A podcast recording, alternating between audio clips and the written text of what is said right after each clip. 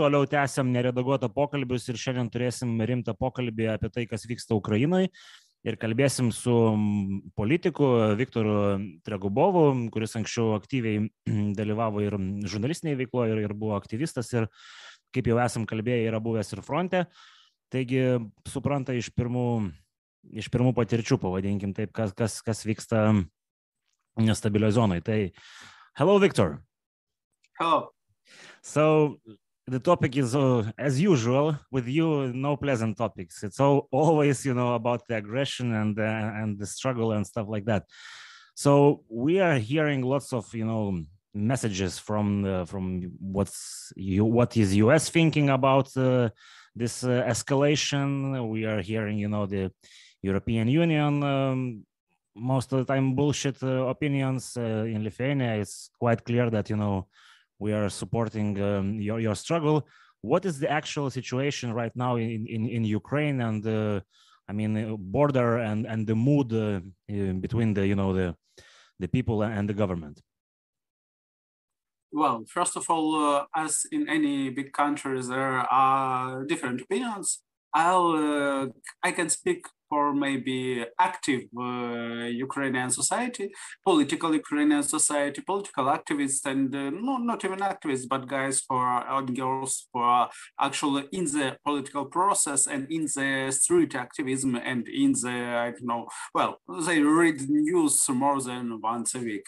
So, so for us, uh, that's a problem. We are actually uh, tired to wait. We are tired to be afraid and for now, we have this uh, feeling like, okay, if you if you want, we're ready.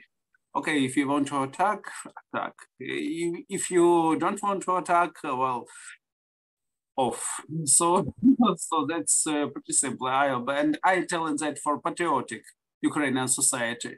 For Ukrainian government, uh, I uh, cannot be sure. Ukrainian government is also different in their, uh, well, opinions and perspectives. So I afraid that some part of Ukrainian government can uh, uh, be frightened and some part of Ukrainian government uh, that closer to military can also wait in this emotion like give me all you got. So Okay, I, I, wanted to ask straight away about the, the president, but maybe I'll, I'll leave that for, for because there are a few questions um, regarding that. So I'm going to clarify what is like, um, let's say, what is your government, your military government saying in terms of uh, this concentration of troops uh, by the border? Because we are reading that uh, there's more troops than there were in, in the time of uh, Crimean, you know, annexion. Uh, what is the actual um, size of the threat. Let, us put it like that.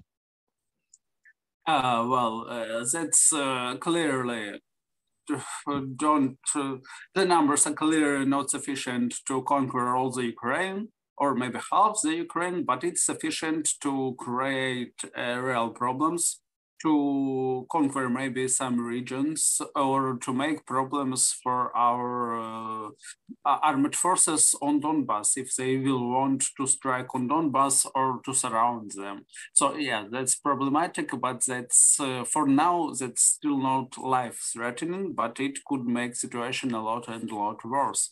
So actually, uh, for me, I'm well a veteran myself, and uh, me and all my comrades are waiting just to to return if there will be a need.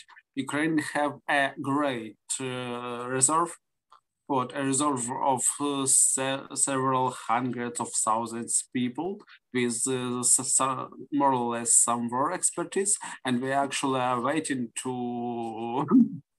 to do our job. So for Russia, it should be some kind of blitzkrieg, I suppose. Those some kind of rapid strike uh, for Ukraine not, not to have time to mobilize all the people who want actually to join. Uh, so I don't think it will be some uh, attempt to conquer Ukraine, but if that is no not a bluff, and it may be still a bluff, uh, they will uh, try to do something local, something local but painful. I don't know, maybe uh, trying to attack Kharkiv or maybe trying to attack Odessa and so on and so on. Okay, so uh, as I understand, you are part of the reserve as well. Have you received uh, like I don't know a call to action or uh, how is it called? Uh, you know, some kind of uh, um, notification that you have to be um, ready on demand or you know something like that. No, and that's actually strange. And that causes some questions about Ukrainian reservists. Like, well, well, guys, come on uh, but I, I, don't know, maybe that's some element of uh, strategy for our government. But yes, that's strange. For us, for our reserve actually is uh, even twice bigger than actually uh, army for now. So we are waiting. We are no, we know that we should act by ourselves. You don't actually need to tell us that to us, but it's strange that we still uh, get no poking from government side. Okay, so I'm just reading the Reuters news that you know, like it's eight eight hour uh, old news, uh, so quite fresh. Uh, that U.S. Congress included like uh, 300 million for Ukraine. As I understand, it's going to be some package, uh, you know, military package. Uh, and on the other hand, you know, we had this Biden Putin call, and looks like some sanctions has been lifted uh, from from Putin, so they can breathe uh, more easily. So it's contradicting, you know, the, the facts are contradicting each other in terms of this. Like uh, we are helping both sides. So, what do you feel like is the is the connection with your European partners? Uh, let's say the the, the US. Uh, are you expecting any help from from abroad if this conflict, uh, you know, escalates? Well, that's pretty standard for now. We uh, expect uh, some help from uh, our closest and uh, dearest neighbors, I suppose Poland, Lithuania, and maybe some other countries near us, as well as we expect some support, at least diplomatical, from uh, United States. Uh, and we don't expect much from Germany or France or Austria, so on, so on, so on. Even Sweden can be a more reliable ally in that case, even uh, with, with them without NATO. Uh, so yes, uh, we uh, more or less we are counting on ourselves, but uh, we still know that there are some weak links in our defense systems that our allies can uh, help to, to cover. We are strong on, on land, that's for sure. We can make a significant problems for, uh, for Russians on land, but we still uh, have problems with our air and uh, with our navy. So if uh, someone can help in this, case, either with, I don't, I don't know, anti-aircraft missiles, either real with air cover or sea cover, it could be great for us and it could be actually a lifesaver to, to stop Russian aggression because if they will try to attack just with uh, tanks and their infantry, it won't be easy for them with any numbers. Okay, uh, so I'm gonna ask uh, very straightforward. Uh, is there any like I don't know signal, let's say from Poland or from uh, Great Britain, that uh, they would support, you know, um, with troops or ammunition or or, or something like that? There, there actually are, there are well at least readiness from British side to give us instructions, British instruction instructors uh, so th that's good. From Polish side, uh, recently I saw a, a question, no, questionnaire uh, about uh, do actually po Polish uh, society want to help Ukraine. And uh, as far as I remember, 60% were yes, we want. And I suppose that uh, that's uh, more or less common for Polish society and Polish government. So I think some help uh, will be given, but we don't know what kind of help. Will it be troops or weapons or maybe I don't know some technical help but I, I suppose uh, it will be done because uh, Poland uh, understand the severity of situation uh, and it understand it much better after the border crisis as well as yeah, yeah of course. So there's there, well, uh, uh, maybe a month or two months ago, I was in Poland on one security conference, and our Polish colleagues was like, yes, we will help you. Yes, we understand the strategic problem, but that's far for us. NATO will help us. NATO will, um, and so on, so on, so on. Uh, and uh, as I see now, that even now, after two months of uh, refugee crisis uh, and Belarus border crisis, their situation, their views uh, differs. They changed their views. They understood that in hybrid war, in hybrid warfare, their uh, NATO is not sometimes a left server, a left server and not an answer to all the problems Russia could give you. So yeah. Yeah, absolutely. This border crisis, um, you know, like brightened some horizons for some people, but uh, not all. You wouldn't believe what our left-wing politicians are, are talking. So there, there is a serious um, diplomatic um, question from from one of our um, listeners, and uh, he's asking uh, why Ukraine is not pushing on the Budapest uh, memorandum because clearly uh, like the the parties that signed the, the memorandum well they are not uh, uh, contributing for, for, what they signed. So is that a hot topic in terms of your government and like pushing the, the, the partners it is and it was uh, eight years oh sorry seven years ago uh, but the problem is that uh, formulas of budapest memorandum have no strict obligations and uh, actually, uh, we are aware that uh, it pretty much spoiled with all the actually all the sites.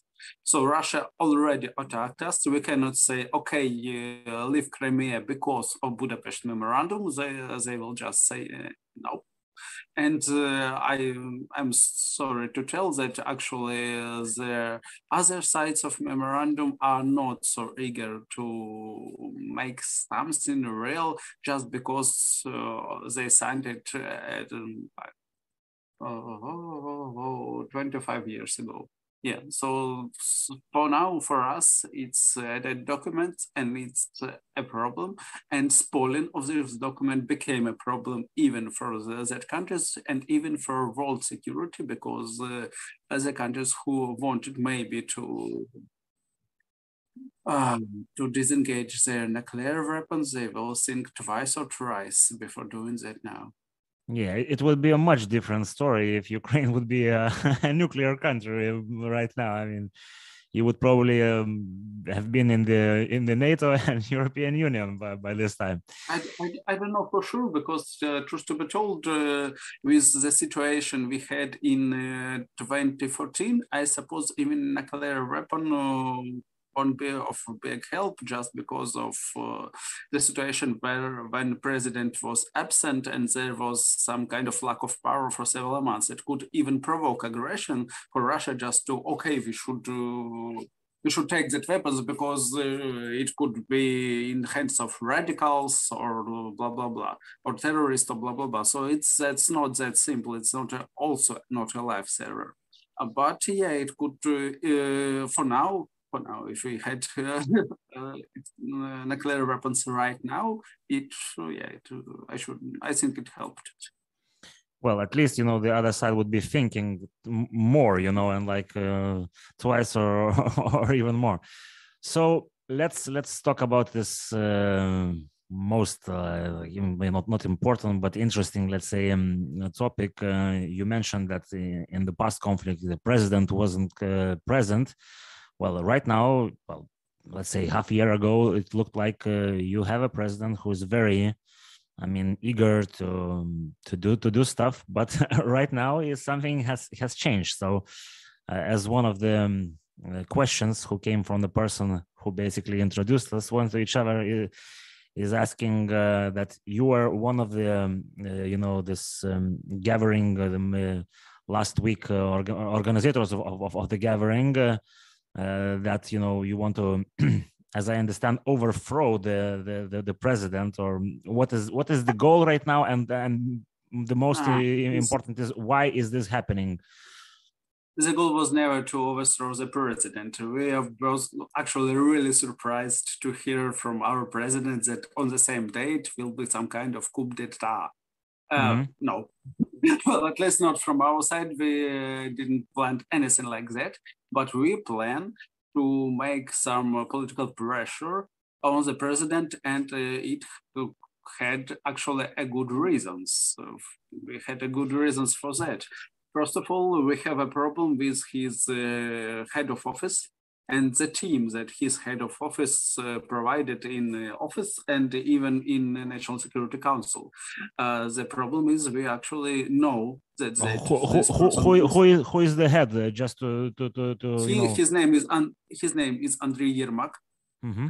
Uh, and we know that he is uh, a bit corrupt person uh, that just because uh, he got in corruption scandal just when he was appointed his uh, own brother tried to sell some uh, state offices uh, he didn't sell, but he tried to sell, and it was caught on camera. So that's pretty scandalous. But president trusts him, and we suppose that uh, Yermak and several persons he appointed, like Mr. Demchenko, is too close to Russia that we actually can afford right now, because uh, that uh, that uh, one of the guys he actually appointed as his uh, own uh, deputy was the guy who was against Maidan and who told during Maidan that actually police didn't use any weapons, that's all provocation, blah, blah, blah, blah, blah. But we, sorry,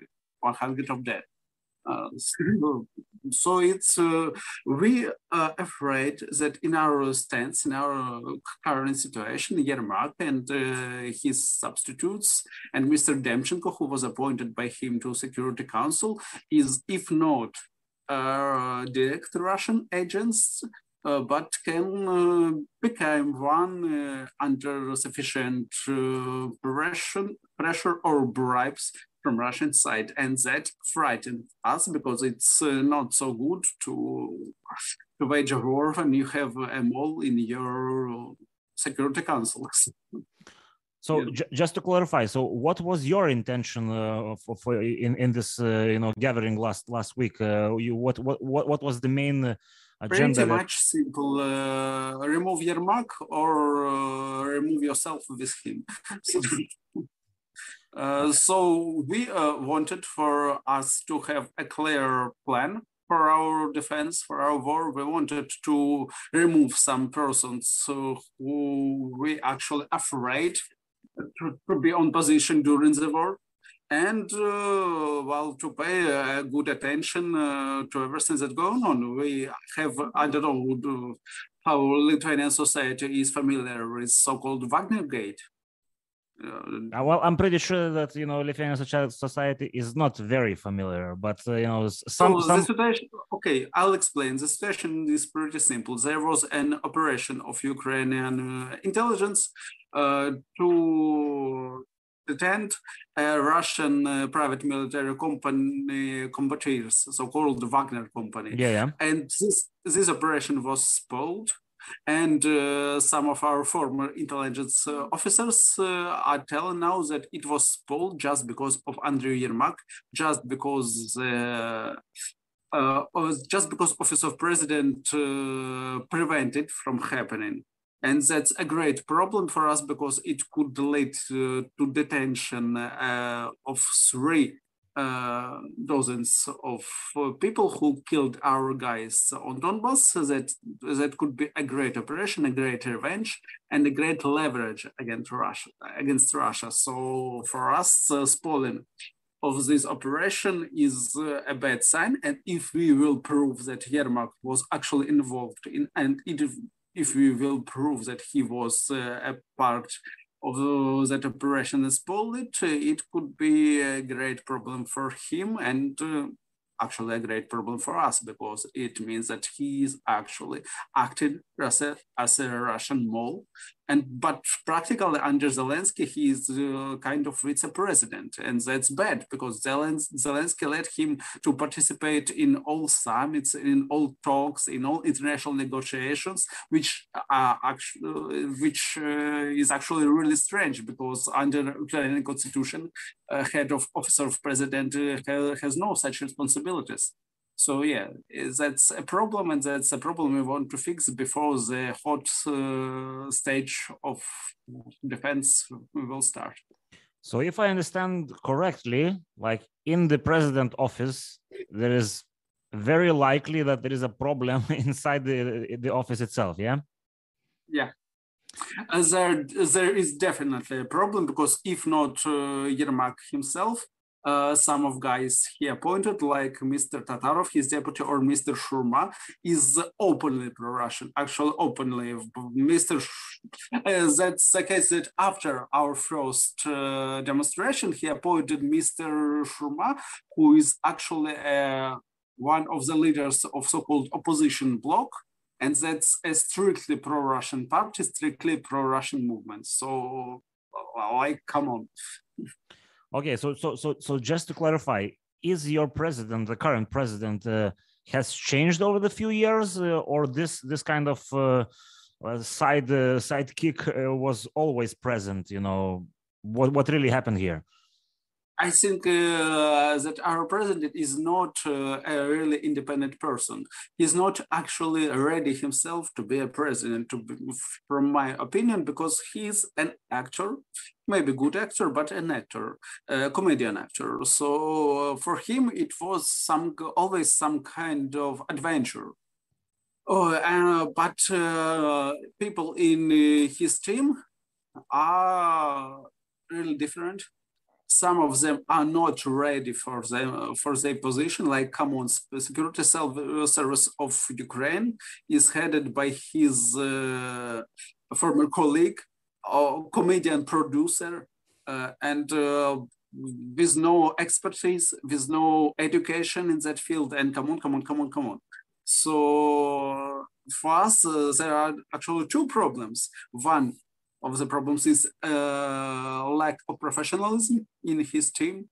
And second is that uh, some in his team, some guys in his team are more or less pro-Russian in their views, or sometimes even in their their speeches. And we see that, and we have problems with that.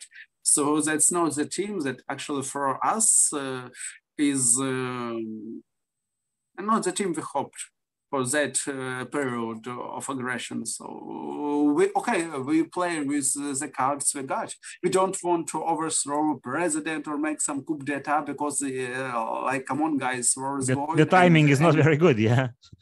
Uh, okay, uh, even a cat as a president is better than no president in that circumstances. Uh, but uh, we understand that that's a problem and we're trying to fix all the problems we got now just to be sure we survive the fight.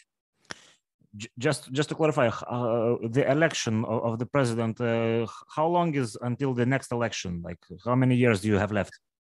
It's uh, a quarter so-called so it's two years two years and a half. okay, so so the, the other the other question that that's long. Mm-hmm. The other question was that uh, there is a, a, oligarch who is also, um, as I understand, um, is uh, in favor of the Russians, uh, and I'm talking about uh, Rinat Akhmetov, uh, and he is trying to um, do some kind of uh, you know move to to to to also promote his um, president uh, candidate or whatever. So what is happening with this dude? Oh, the situation is trickier now.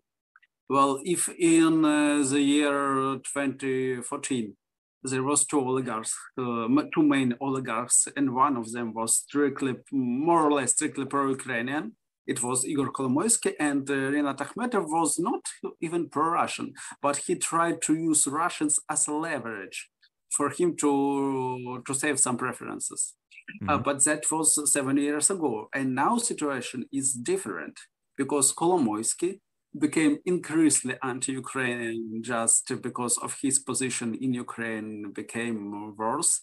And Kolomoisky is the closest oligarch to our current president. He was the person who financed his presidential campaign and who all of the TV channel One Plus One, who that is actually the main staging ground of our president. So Kolomoisky now is more or less is not so patriotic as he was, and Akhmetov now uh, lost too many uh, too many positions in Donetsk. He was stationed in Donetsk. He was like a king of Donetsk region, but he lost most of that just because of Russian occupation. And he is not, uh, I don't think that he will try to use Russians as leverage in foreseeable future because it uh, cost him really, really dearly.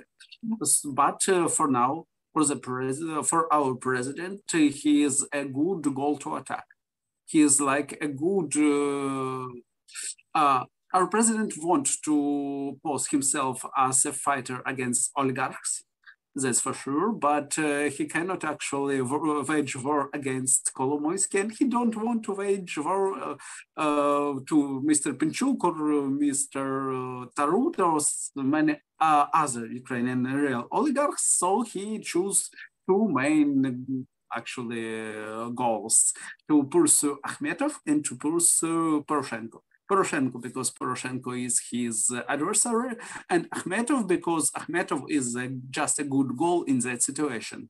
And that, of course, provoked a setback. And now Akhmetov is also trying to resist uh, this, uh, well, operation from our government. So actually, the thing uh, that Zelensky is doing now could be cool if Zelensky uh, did it indiscriminately against all of oligarchs, but that's not the issue.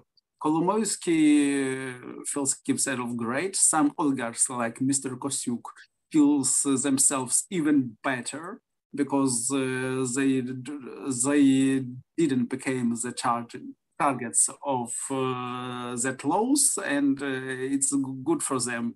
Their adversaries suffer, they are don't. So they are not. So that's the situation we got. Okay, so like we were mentioned in this uh, let's say spotlight because uh, there was a crew and a plane in lithuania just, just a few weeks ago i'm talking about uh, you know the, the, guys who who flew to vilnius to as the media was portraying, you know, um, they were staging some kind of, you know, talks uh, who could be the next president. And there was, uh, you know, Avakov, uh, Gorissimo, and Gordon and Klitschko. What, what, what is your take on, on what was happening here? You know, what was the purpose of this uh, meeting in, in, in Lithuania? You know how uh, to differ an expert and a non-expert a real expert always can tell, I don't know. so truth to be told, I don't know. Any prognosis for now uh, will be just a speculation. Uh, let me make myself clear. In during Maidan times, no one, no one spoke about Poroshenko as a president. Actually, no one. He has no. He wasn't even in the ratings, and the most uh, prognosed uh, president was either Klitschko or Yatsenyuk. Uh, as you can see, Poroshenko became president in the first tour, just in uh, several months. So and no one could predict that Zelensky will be Ukrainian president because everyone talked about Poroshenko against Timoshenko, and everyone prepared to live under Timoshenko or, or to, to live still under Poroshenko. But uh, here the dark horse came, and uh, Zelensky, former comedian, uh, won unexpectedly uh, elections and got, got his uh, biggest faction in our parliament, and that's uh, look that looks like uh, some kind of TV show. But I actually don't want to be the part of the TV show. But still, that's the situation we got. So I won't prognose anything for two years uh, because I don't even know who. Maybe my friend Yuri Gudymenko. We're trying to to help him to get to this, this post. Uh, maybe someone who, uh, of the name we don't even know for now, uh, just because uh, there will be really big changes. Maybe there will be a war and some promising commander will make a fortune and a name. Maybe uh, someone will uh, die from COVID or someone will become uh, someone who is now on the lower position will become a great politician for two years in Ukraine, it could be an epoch. So that's uh, kind of like a hundred years in normal countries. So. okay, so what, uh, what what is your media talking about this uh, this meeting? Uh, is it like uh, is it uh, you know a positive accent on the on the meeting or negative, or it's like presented as a, some kind of you know underwater talks? what is the general vibe in the media? Oh, uh, well, uh, the position of specific media actually depends. Uh, in... you are talking like a politician, yeah. you became... yeah, from from the from one who owns that media. So we we have no uh, some grand narrative for every any of them, but uh, the uh, current shift is a shift against Zelensky not uh, he tried to pose this this shift like I'm battling oligarchs, so oligarchs are against me and oligarch medias are against me. But that not just oligarch medias, even the several free medias in Ukraine is uh, are actually more or less critical to him. Uh, that's because of a number of scandals. Well, you can blame for, for instance, Radio Freedom to be oligarchic media, but it uh, have some questions to corruption in his office and uh, for him using the state helicopters uh, to get to his uh, dacha and to celebrate the birthday of Mr. Yermak and so on, so on, so on, so on. So yeah, even the neutral or foreign medias have some questions about like, uh, guys, what are you doing right now? That's not the thing you should do in this historical period. So yeah, mm, the current shift is to, be more critical. Like we said in Ukraine, our honey months with our government uh, is over. And uh, it's, uh, well, the second half of any president, any presidency is much harder than the first half. That's always so. Okay, so there is one more question regarding uh, personality. Uh, uh, there is a question about uh, a person um, who is uh, considered to be an agent, but as I understand from the person who is asking that, that guy is denying this, and I'm talking about Anatoly Shary, if I pronounce it, it correctly. What is this dude doing in Ukraine? Because I, I googled him, so he's presented as a journalist uh, and also a politician. So what what is happening with that uh, guy? Oh, do you want to hear my personal opinion? yeah, of course, of course, Victor. no, no, hit us with your personal one. Uh, for my personal opinion, uh, Shary is a Russian informational mercenary, uh, well, I don't want to use obscenities in, you can easily in your show, yeah, but uh, it's a, not a moral person, not a decent person, and not a good person as a whole. Uh, for me, Shary is the worst kind of pro-Russian uh, informational activists and uh, for me, it's a shame that actually Europe, uh, for now, give, gave him some kind of asylum just because, and that's funny thing about Shary, just because his uh, uh, criminal case in Ukraine have nothing to do with actually his political position. It's a pure criminal. so, so it's uh, for, for me. I hope that some uh, someday uh, he will not get his asylum and he will go to Ukrainian jail when he, from my personal opinion, belonged to. All right, that, that's quite clear, and I think the, the, the guy that was asking the question got, got the answer. Sorry if I. Uh... No, no, it, it, it, it's it's good because you know you, you are experiencing that info firsthand, and you know since you are you are our window of this show to Ukraine. So your your position is is is kind of broadcasted as as you know as the most important. So the other the other question I want to ask you is about, uh, of course, you know we know that uh, one of the weapons uh, of uh, Russian. All, all the um, puzzle games that they are playing is, of course, the gas, uh, and you know this. Uh, we already have this new connection what is the situation uh, because you know the winter is, is here what is the situation in, in ukraine in terms of you know supplies uh, because uh, we heard that there is some kind of contract uh, with the polish and um, some other country I don't remember, Bulgaria or some someone who is uh, you know providing some some some um, gas. Are you ready, you know, to to survive the winter in terms of the heating and uh, that stuff? Uh, that's a big problem now, and it depends. Actually, it depends from the temper, uh, the middle average temperature of our winter. Uh, so after the Nord Stream case, uh, the situation became much and much worse. Uh, we have some reserves, but uh, will there be sufficient reserves or not? It depends from the average temperature in February. If February in February will be a warm one, I think we, we could manage. Uh, on, on the peak, yeah, but we could if it will be cold, uh, we should seek for some additional help and some additional resources. And for now, that's a problem. And yes, that's a, an element of Russian hybrid warfare. And the, for us, the biggest problem is that Europe, and namely Germany, is actually, if not playing on the on side of Russia, uh, but maybe succumbed to their pressure.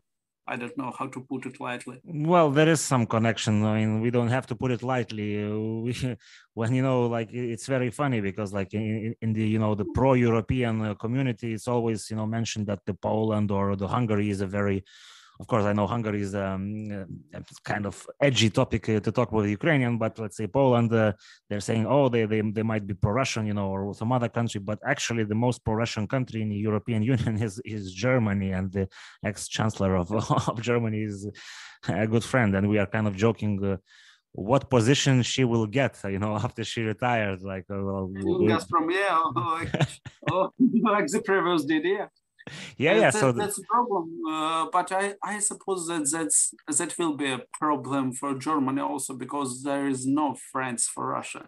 There, there is a really good example with Serbia, uh, because Serbia got a cable. Uh, um, like uh, contract with Russia regarding their gas, and now Serbia has a great problems with gas Oh, they, they not only friends, they are almost like brothers for Russia, but that doesn't help. help.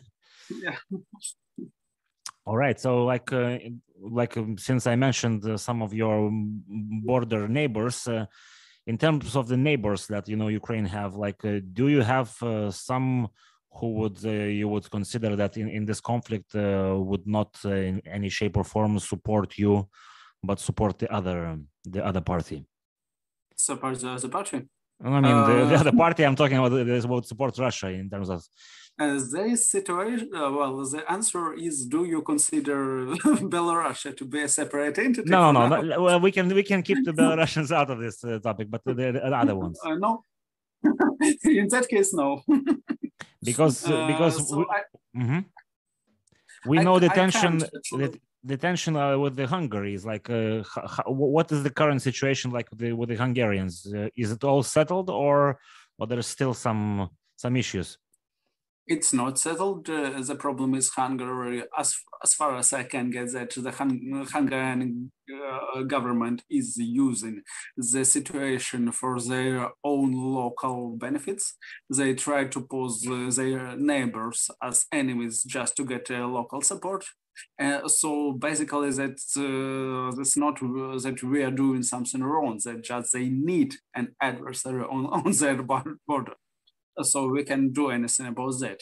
Uh, the, but I don't think that Hung Hungary is uh, a real uh, threat for now. No, first of all, because they have no army, and our borderline is not so long our borders are maybe uh, less than 100 of kilometers. I afraid that I may be mistaken, but uh, not long actually, and that's mountains. So we don't suppose anything like tank attack. No, I was I wasn't uh, thinking about that because I mean it's obvious that, that they won't do it, but you know some you know i was just asking like in terms of you know maybe some supplies or stuff like that so as i understand supplies to i, I beg my pardon supplies to whom to russia no supplies to you guys i mean so to ah.